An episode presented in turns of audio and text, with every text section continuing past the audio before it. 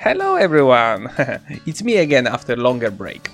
Hope you have a good time wherever you are and yeah, I know COVID hits us again with enormous strength. I got through that. I got through COVID fortunately without any issues, so please be cautious and avoid unnecessary meetings. I'm serious. If you decide to stay home, which is the best idea, I'm happy to share with you yet another great book to read.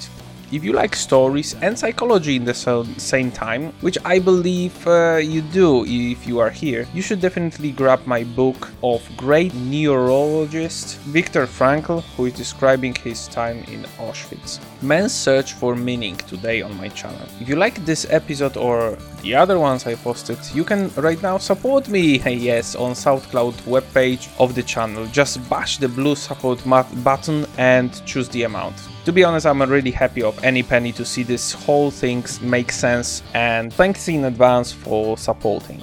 Meanwhile, stay tuned. Motivational booking.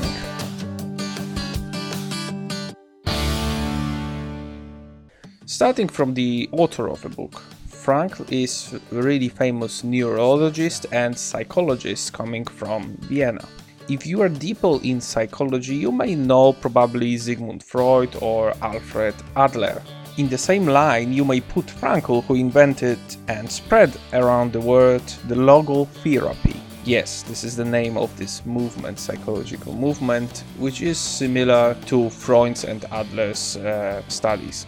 In few words, this concept may be described as finding the meaning of life in every single situation in general, we live in quite peaceful time. Yeah, really. Except of the coronavirus, most of us in developed countries can't complain about any danger of life.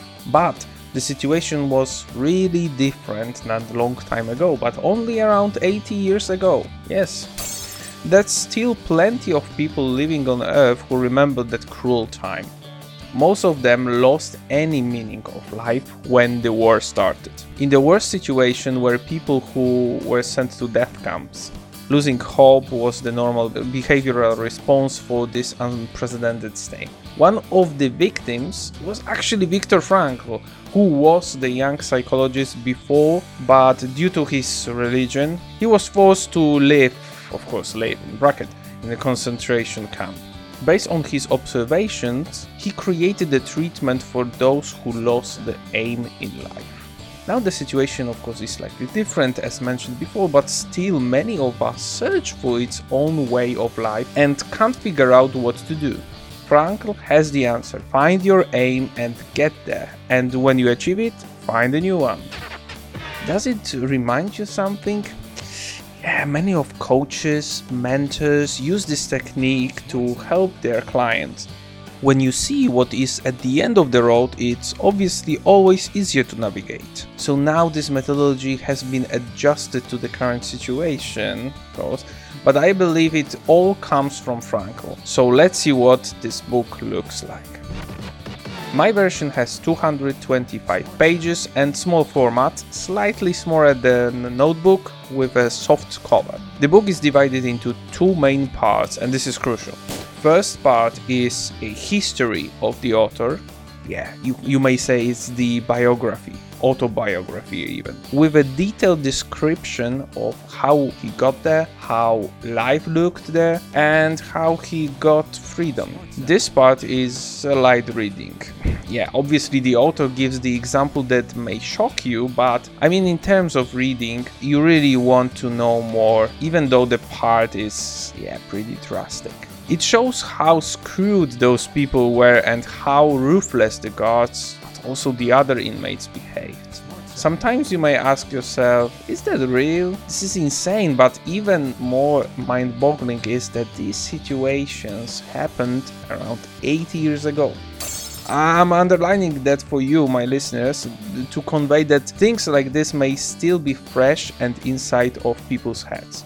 I'm completely sure you will catch a distance to your life when the, uh, with the comparison to those stories and gain a full respect of those who survived and fought for their freedom and liberty of Europe. Second part gives the orientation about the logotherapy as, as such, the basic premises and examples. This part, on the other hand, is written in more academic way. I've read a few of reviews before recording it and in general it only confirms my feeling. If you like psychology as a subject of science, you will definitely love this book totally. But if you are not really into this, this part may be a chore for you.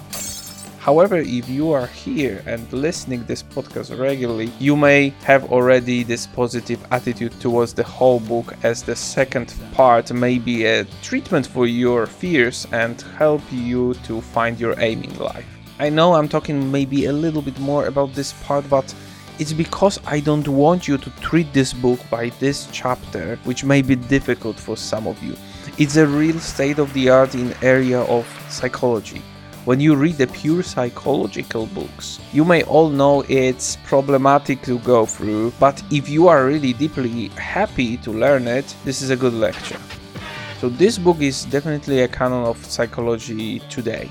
For those who study this subject, it's a must. Yeah.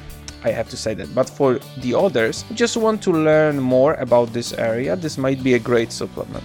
I'll be honest with you, I like the book a lot and I have started to recommend it to my friends since I finished, as I believe everyone should read it if it thinks its life is miserable. My personal rate is 9 out of 10, which shows how much I appreciated reading it.